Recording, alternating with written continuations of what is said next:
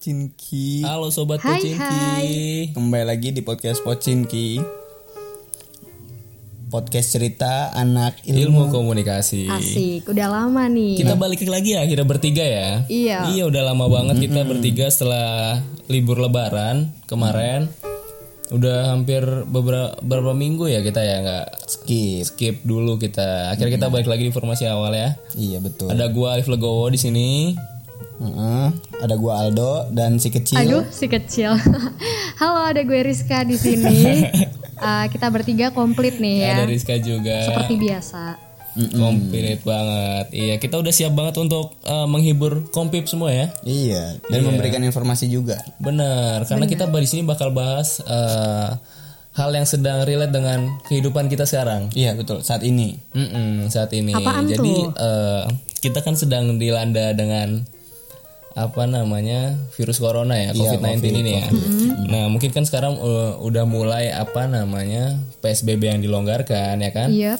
Gimana perkembangannya sih eh, virus ini ke depannya kayak gitu kan. Dan banyak sekarang eh, apa namanya relawan-relawan yang juga bantuin Betul. uh, untuk membantu juga pasien-pasien yang benar-benar membutuhkan kan bantuan dari orang-orang sekitar ya kan? Sama dokter-dokter juga butuh bantuan dari relawan-relawan juga kan? Iya. Nah kebetulan banget kita udah kedatangan siapa nih?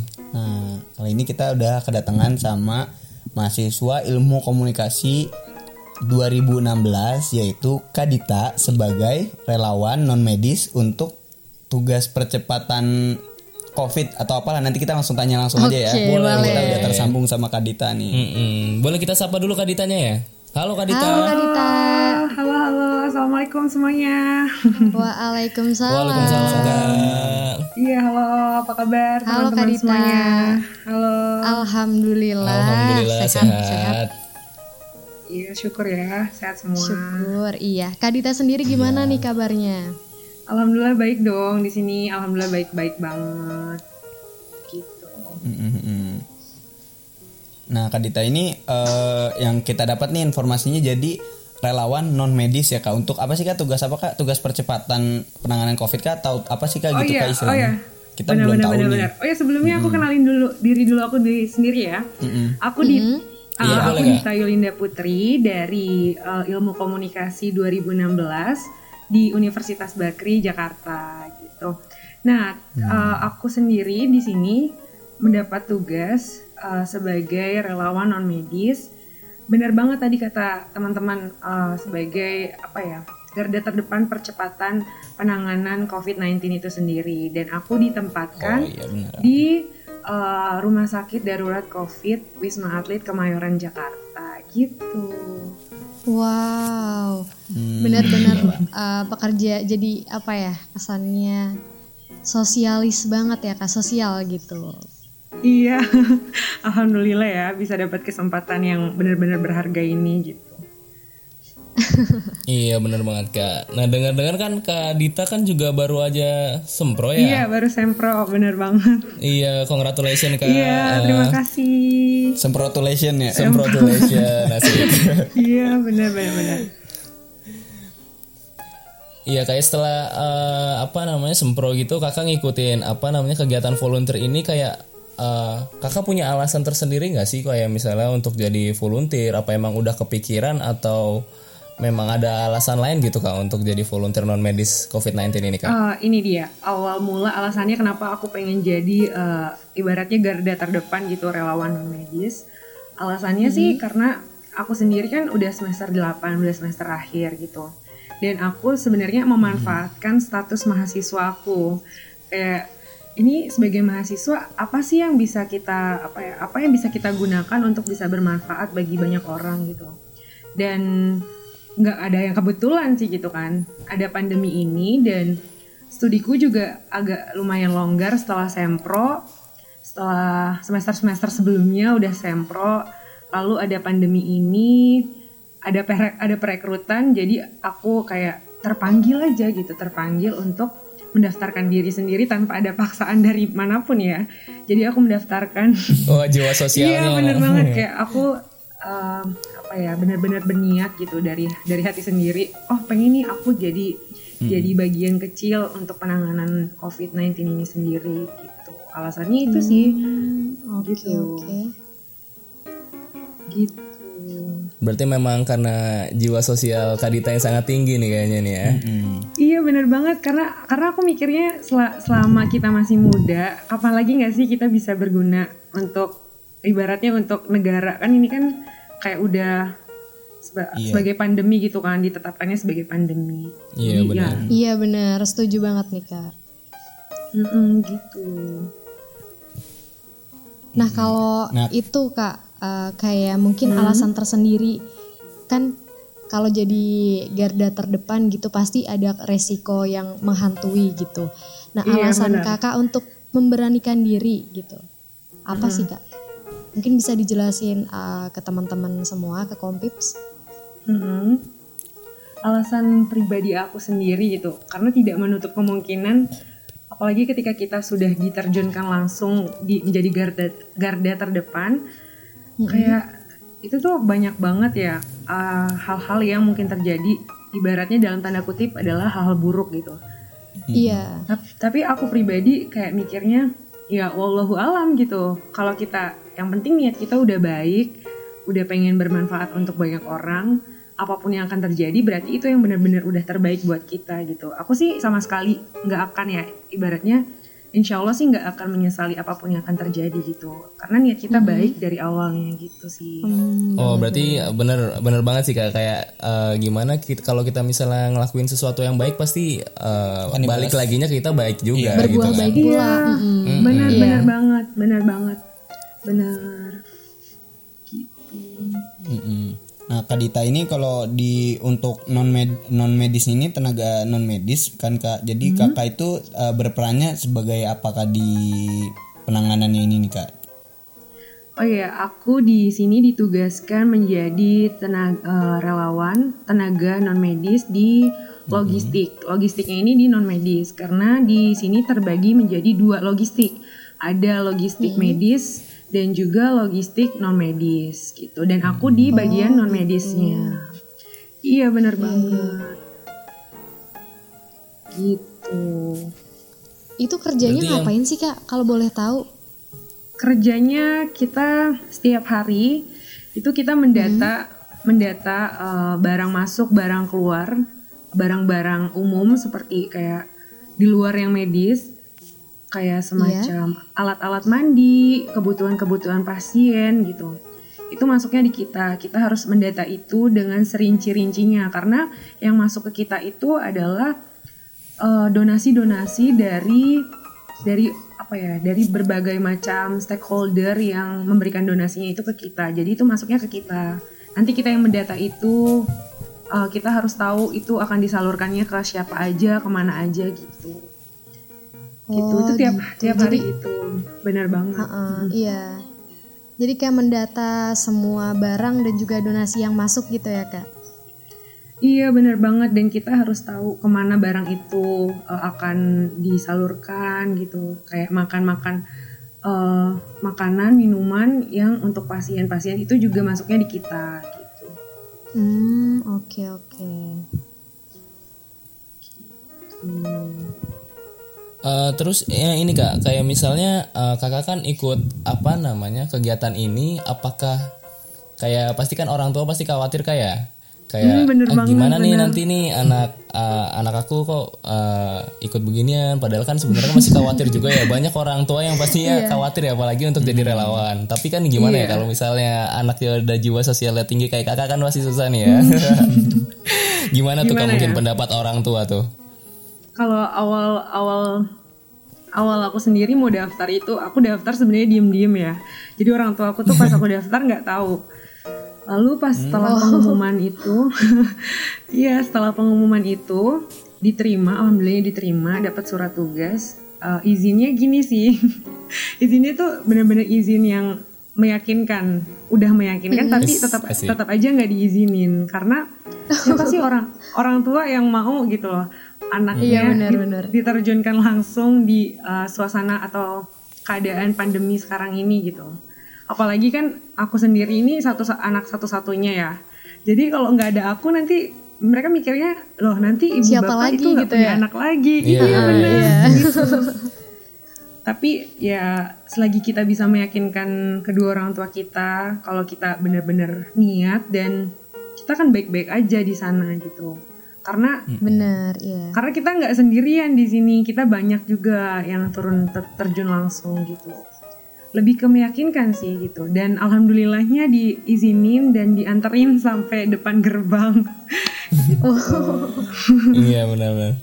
Tapi kan eh, balik lagi kayak dari sananya pasti kan ngelakuin sistem apa namanya protokol kesehatan yang ketat banget kan ya di sana kan iya ya. benar benar benar Iya, jadi jangan sampai dari dalamnya sendiri ternyata eh, menghasilkan lagi eh, orang-orang yang terkena virus tersebut. iya benar Menurut kakak gimana kak? Udah udah cukup ketat atau gimana kak? oh iya Situasinya kalau di sana? Iya, jadi eh, selama aku di sini yang aku lihat ya untuk kegiatan protokol eh, kesehatan di sini gitu, menurut aku nggak te- nggak terlalu ketat dan nggak terlalu longgar gitu. Karena kita sebagai relawan pun sangat-sangat apa ya, sangat-sangat diperhatikan dengan baik gitu tentang kesehatan kita gitu. Terus di sini tuh setiap minggu kita ada rapid test untuk eh, relawan. Lalu s- sebelum bertugas kita sebelum bertugas hari pertama pertama kali datang kita ada rapid test juga. Lalu sebelum pulang setelah 30 hari ini untuk logistik ya sebelum pulang itu nanti ada rapid test juga. Dan eh, nggak nggak terlalu longgar itu karena kita juga di sini sering mengadakan eh, seperti senam pagi, senam sore gitu. Karena di situ bukan kita untuk apa ya menimbulkan kerumunan, tapi bagaimana caranya kita bisa meningkatkan imun dari setiap relawan itu sendiri gitu. Karena ketika kita Oh, bekerja, iya, iya. Iya, ketika kita bekerja, apalagi di suasana yang seperti ini gitu, kita kita nggak menutup kemungkinan uh, akan terkena juga kan. Makanya di situ kayak Iya, benar. mem- meminimal- meminimalisir dari protokol kesehatan sendiri, mengadakan kegiatan-kegiatan seperti senam bersama, tapi tetap menggunakan masker, tetap uh, Hmm, berjarak dan juga apa ya, ya harus mengikuti protokol yang ada gitu. Gitu sih. berarti kayak enjoy aja eh, kita jalaninnya tapi tetap harus sesuai sama protokol kesehatan gitu ya kak. Iya bener banget. Dan Hmm, iya, setahu iya. aku ini dari setahu aku ya kehidupan pasien dari COVID-19 itu sendiri sama kita yang masih sehat nih itu sama aja sih. Bedanya adalah uh, si pasien ini uh, menerima obat-obatan gitu. Sedangkan kita ini ya seperti biasa gitu. Tapi mereka kegiatannya ya sama kayak kita gitu. Oh gitu.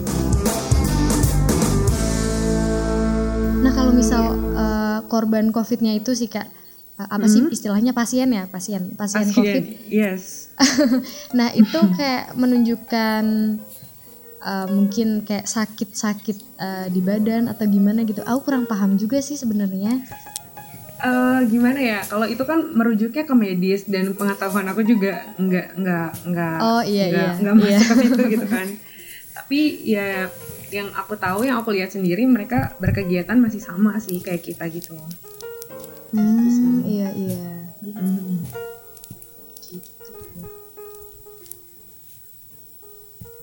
Nah tapi eh, aku masih belum tahu nih kalau Kak Dita itu eh, sebenarnya peminatan apa sih Kak kalau boleh tahu Kak?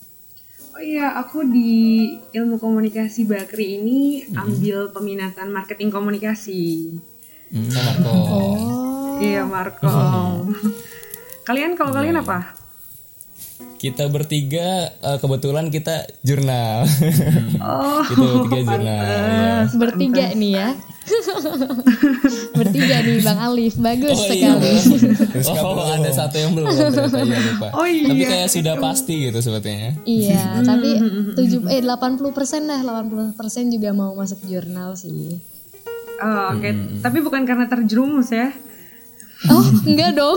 Sudah sudah didoktrin kok. Sudah didoktrin dengan baik. Karena ini apa awalnya aku ngiranya itu gini Kak soalnya kan ada Iya. volunteer kan non medis nah aku kiranya itu eh, Kak Dita ini bagian ininya gitu Kak apa kayak eh, pembuat apa sih namanya kayak pemberitaan atau rilis rilisnya gitu Ah, itu ada bagian lain sih sebenarnya.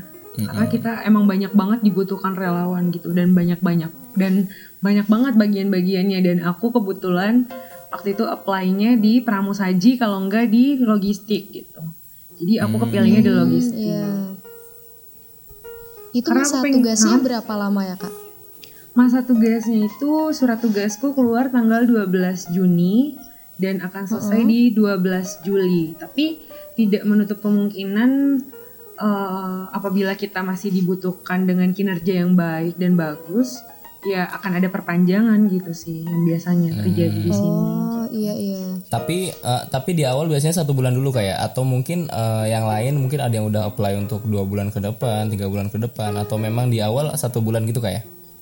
Hmm, kalau yang batch pertama itu, setahu aku dari cerita teman-teman yang sudah pernah uh, bertugas, itu kalau yang pertama itu 14 hari dan ditambah 14 hari karantina mandiri tetap di Wisma Atlet. Tapi makin ke sini batchnya itu kita bekerja uh, bertugas selama 30 hari uh, full tapi menggunakan shift sistem shift. Nah, Hmm, uh, iya. untuk kerjanya untuk kerjanya sendiri untuk tugasnya sendiri itu kita nggak bisa request kita nggak bisa request mau berapa bulan mau berapa bulan gitu jadi karena aku masuknya dari uh, Forum Human Capital Indonesia mewakili dari Universitas Bakri jadi uh, tugas kita itu satu bulan gitu gitu Hmm. Nah tadi kan kakak bahas eh, tentang sistem shift ya kayak. Mungkin kakak dari Iya, sebagai benar. relawan eh, kerjanya mungkin dari berapa jam kayak? Atau mungkin Nah, eh, ada dapat hmm. jam istirahat yang yang seimbang atau gimana dari kakaknya di sana? Iya kalau di sini sendiri aku ngerasa uh, seimbang ya karena tapi emang benar-benar dibagi shiftnya itu rata gitu. Hmm. Jadi di sini tim logistik dari non medis sendiri ada sekitar 20 orang dan itu dibagi ada tim Nusa dan juga tim Bangsa. Nah, tim ba- kan tim Nusa tim Bangsa ini dibagi lagi jadi dua karena ada di tower 2 dan tower 3. Di masing-masing tower ini ada lima orang nanti kita akan uh, ganti shiftnya itu setiap uh, seandainya hari ini nih seandainya hari ini pagi dari jam 5 sampai dengan jam setengah satu siang. Nanti tim bangsa tim bangsa tadi tim nusa lalu tim bangsa dari jam setengah satu siang sampai dengan jam uh, 8 gitu. Nah nanti ada lagi nih dua orang yang mengajukan dirinya untuk piket. Piketnya ini dua orang khusus laki-laki dari jam 8 malam sampai dengan jam 5 pagi. Tapi be- keesokan harinya dia nggak akan nggak akan bertugas sampai Tugas. Ah. sampai dua hari ke depan gitu. Itu sistemnya. Gitu. Ketata Oh, banget ya iya, kan untuk iya. sistemnya ya. Yap, bener banget. Ini tadi kan mengenai- Kak Dita bilang kayak banyak volunteer yang dibutuhin gitu ya Kak. Terus juga Mm-mm, uh, pendaftarannya juga dibuka per batch-batch gitu. Nah, kalau buat syarat jadi volunteer ini gimana ya Kak? Mungkin nih siapa tahu Bang Ali sama Bang Ah, Aldo tuh oke. kepengen tuh. Oke oke. Amin. Aku tanyain. Semoga ya. Amin amin amin. Semoga Heeh, bisa Ah. menyusul. bisa bisa. Ini kalau untuk pendaftaran sendiri yang aku tahu dari Forum Human Capital Indonesia karena di sini volunteernya itu dari berbagai macam instansi ya kayak aku aku pribadi dari Forum Human Capital Indonesia, lalu ada dari Kementerian Kesehatan, ada dari mana lagi ya? Yang aku tahu sih itu ya yang Sosial. oh nggak ada kalau Kementerian Nggak ada. Sosial. Iya. Jangan so tau deh itu. Ya, aku so tau aja kayak emang. Soalnya Iya, kan menteri itu. sosial. Oh, Ya, iya so tau banget Iya dah. kan? Gak apa-apa. Iya, karena di sini yang aku tahu yang paling besar. Oh ya, ini sama eh, garda terdepan dari eh, TNI Angkatan Udara, TNI Angkatan Laut, TNI Angkatan Darat. Itu Hmm, yang paling iya. banyak. Terus kalau untuk pendaftarannya sendiri itu udah ditutup dari bulan Maret. Hmm. Nah, Oh, Iya, kalau untuk pendaftarannya sendiri udah ditutup, tapi tidak menutup kemungkinan akan dibuka lagi gitu. Karena eh, karena relawan ini sendiri kan dari berbagai macam instansi dan ada eh, kloter-kloter atau batchnya, jadi eh, nggak nggak cuma satu ini ini orang aja gitu, jadi digilir gitu. Nah, untuk persyaratannya sendiri untuk menjadi relawan waktu itu aku daftar mengisi uh, Google Form yang udah disediain sama Forum Human Capital Indonesia. Mm-mm. Terus uh, kita ngisi apa sih yang mau kita mau gitu. Terus uh, apa? Halo, halo, halo. Oke kak. Iya, jadi waktu aku awal pertama kali daftar itu persyaratannya tadi ngisi Google Form, terus pilih peminatan kita mau di mana. Tadi aku udah milih di pramusaji dan logistik. Lalu setelah itu ada pemberitahuan email, Eh, email masuk, kita eh, di di apa ya? Ada eh, medical check up berlokasi di Wisma Atlet sendiri gitu. Dan itu waktu itu di akhir Maret, periode akhir Maret. Kita medical check up, kita cek kesehatan kita, eh, benar-benar Hmm. sehat nggak sih gitu. Dan persyaratannya itu nggak boleh bertato, nggak boleh bertato dan nggak boleh merokok. Itu persyaratannya gitu. Dan alhamdulillahnya eh, lolos medical check up. Jadi aku baru dapat surat tugasnya itu di bulan Juni gitu deh. Hmm, baru bulan ini ya, alhamdulillah. Hmm, bener banget. Nah berarti eh, untuk kompips-kompips yang ada dengerin kita sekarang ya, mungkin gak usah khawatir ya, karena nanti ke depannya mungkin bisa pantengin website-website eh, dari instansi yang berhubungan langsung sama eh, relawan ini ya, rekrut-rekrut. Nah, untuk perekrutan ini ya. Jadi bisa dipantengin terus. Nanti untuk dibuka untuk batch keberapanya ya nanti kayak kayak gitu ya. Iya benar-benar. Hmm. Kalau setahu aku sekarang yang masih buka itu dari gugus depan percepatan penanganan COVID itu dari mana ya? BNPB kalau nggak salah itu dia masih buka karena dia tidak menyalurkan volunteernya itu ke sini gitu.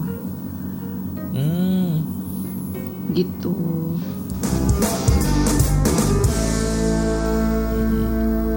Nah, ini di Wisma Atlet sendiri maksudnya eh, kalau volunteer itu satu kamar satu satu orang atau satu kamar ada dua atau berapa gitu kan?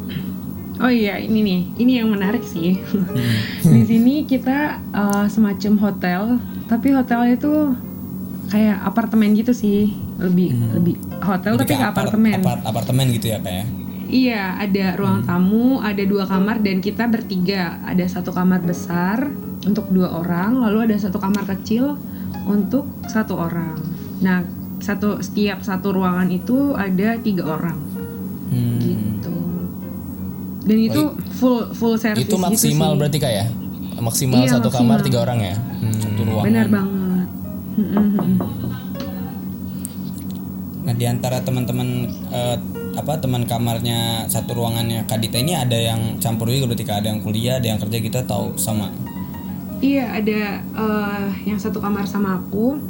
Itu ada yang satu masih kuliah juga, yang satu udah lulus kuliah gitu.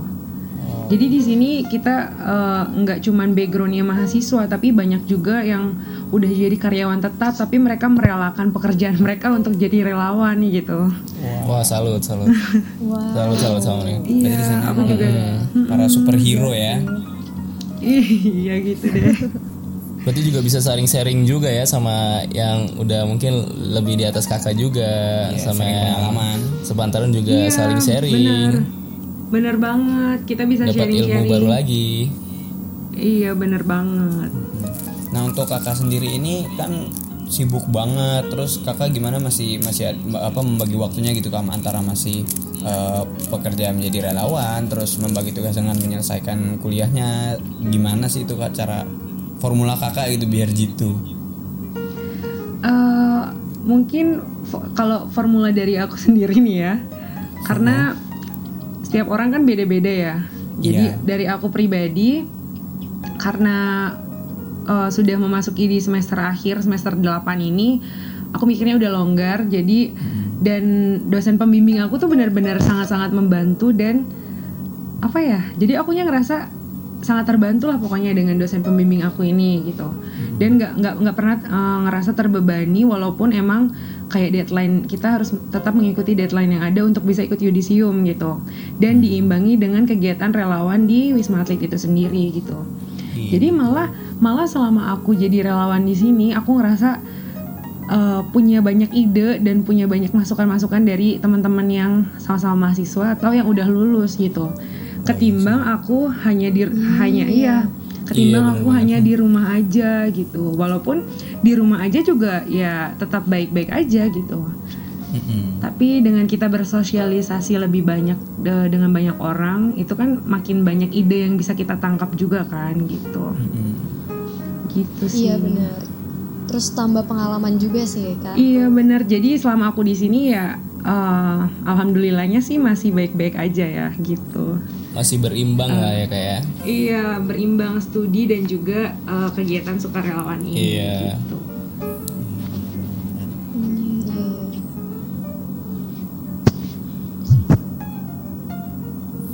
Nah mungkin eh, ada nggak sih kak dari kakak sendiri eh, pengalaman terbaik dan terburuk nih selama beberapa hari di sana nih kak?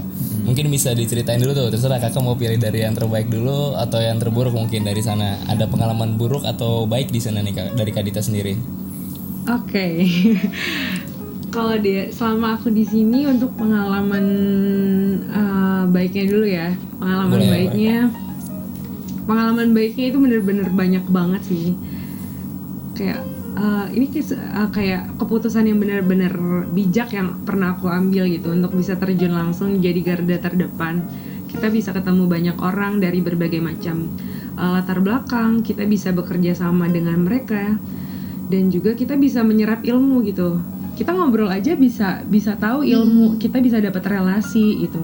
Karena relasi itu mahal kalau kita nggak kita nggak terjun langsung kita nggak mungkin ketemu orang-orang yang eh, yang dalam tanda kutip adalah orang yang hebat yang udah turun langsung gitu.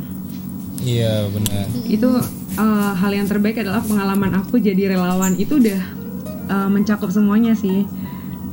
Aku nggak pernah menyesal untuk bisa terjun langsung di sini gitu. Justru pengalaman buruknya itu selama aku menjadi relawan di sini kayak belum aku rasain sih pengalaman buruknya Oh belum ada semo- karena ket- iya dan dan dan semoga nggak nggak Dan jangan sampai Iya. ada sih. Iya benar benar. jangan Dan sampai ada sih kalau bisa. Mm-mm. iya semoga nggak terjadi lah ya semoga semuanya baik-baik aja Berarti hal-hal positif penutup hal buruknya malah ada di sini. Iya bener. Oh ya, tapi ada eh, hal yang apa ya bikin sedih sih gitu. Karena kita kan ada grup grup gabungan di eh, onboarding atau tugas di bulan Juni ini.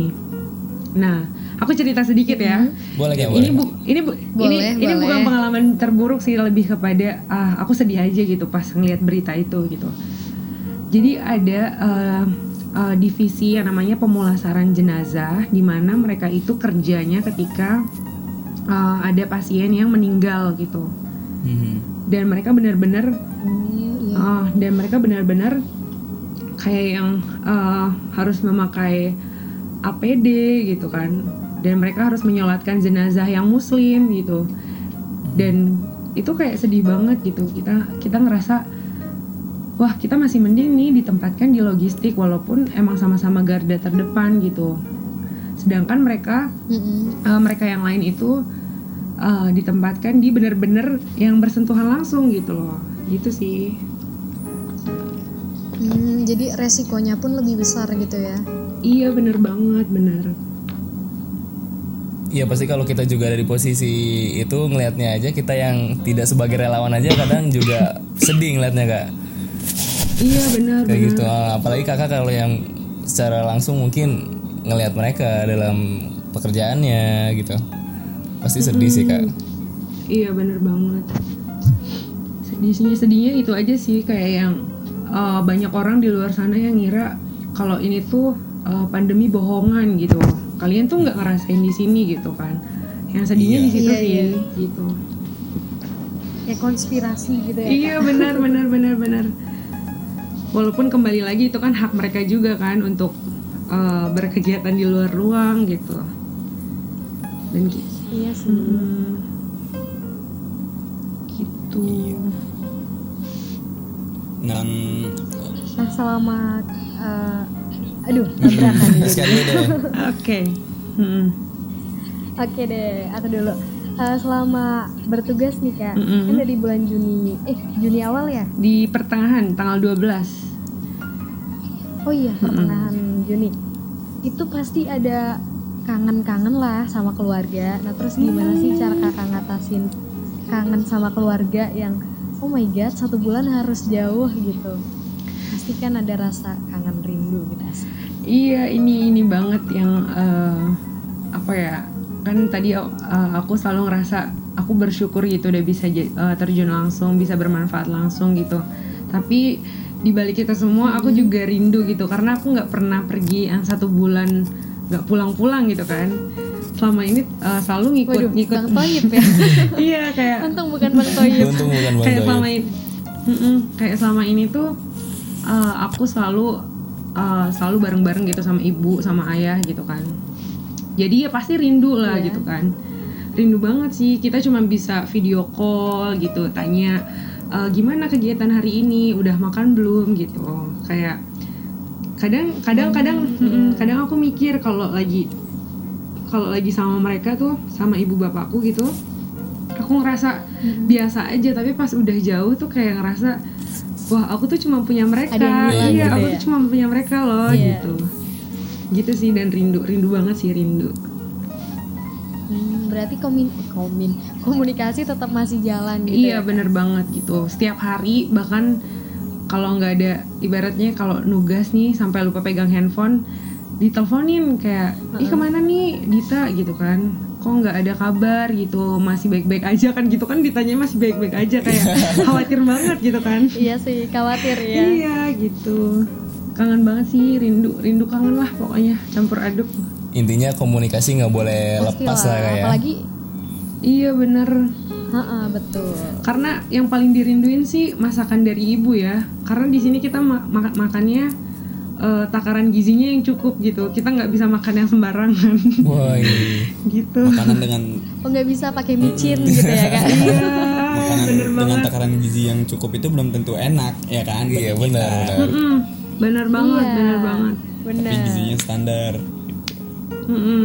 Bisa sih sebenarnya cheating-cheating dikit lah ya gitu. Ada donasi masuk yang ada micinnya nggak apa-apa. Paham.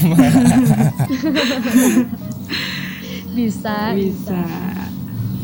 Nah jadi eh, apa berarti menurut kakak itu kan kakak ingin membantu nih kak. Nah menurut kakak sendiri itu eh, apa ya nilai untuk eh, sebenarnya manusia hidup itu apa sih kayak misalnya menurut kakak kita harus saling tolong menolong kah, saling berbagi kah atau jadi menurut kakak itu kakak punya apa ya punya, punya pemikiran bahwa kehidupan itu tuh seperti apa sih gitu loh kak.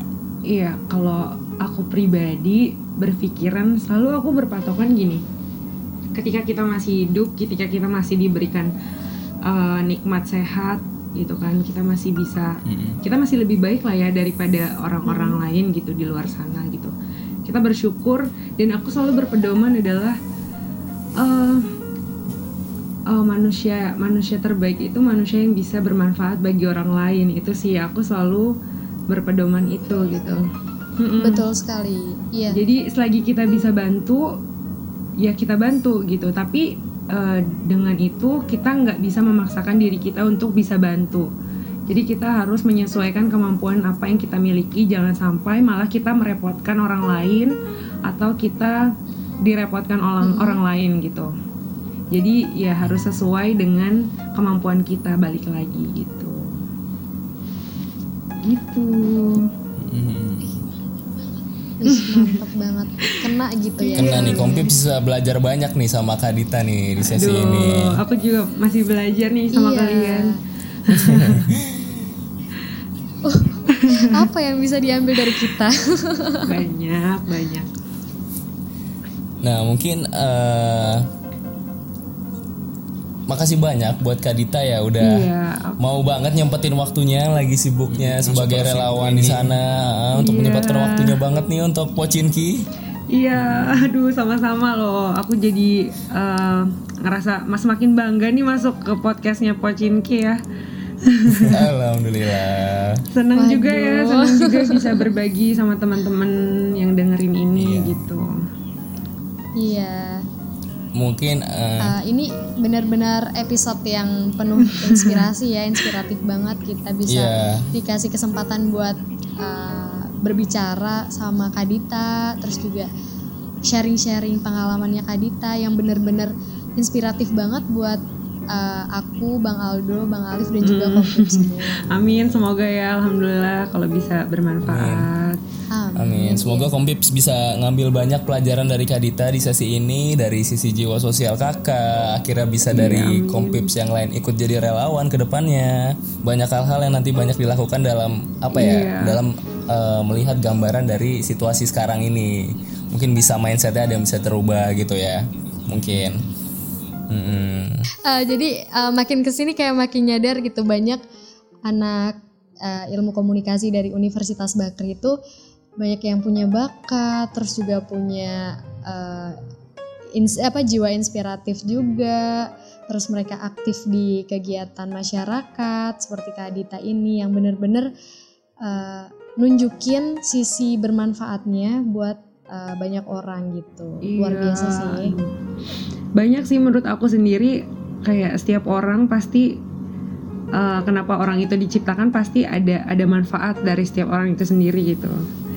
Nah, paling eh, satu pesan untuk para relawan-relawan kita yang sedang berjibaku untuk membantu penanganan apa ya tugas di sana untuk percepatan juga. Semoga eh, Kadita dan teman rekan-rekan volunteer relawan lainnya diberikan kesehatan, Mudahan kelancaran dalam setiap kegiatannya ya. Iya dan kekuatan juga kan. Jadi harus positif positif energinya supaya bisa membantu juga yang eh, terkena COVID-19 supaya agar cepat sembuh dan kembali ke keluarganya juga. Nah kita pun sebagai warga biasa uh, untuk sebagai bentuk support buat para garda terdepan tetap selalu jalankan protokol kesehatan, uh, terapkan pola hidup bersih dan sehat dan juga tetap stay at home ya. Benar. Gak usah ke mana-mana dulu deh. Bener banget. Jangan bandel dulu.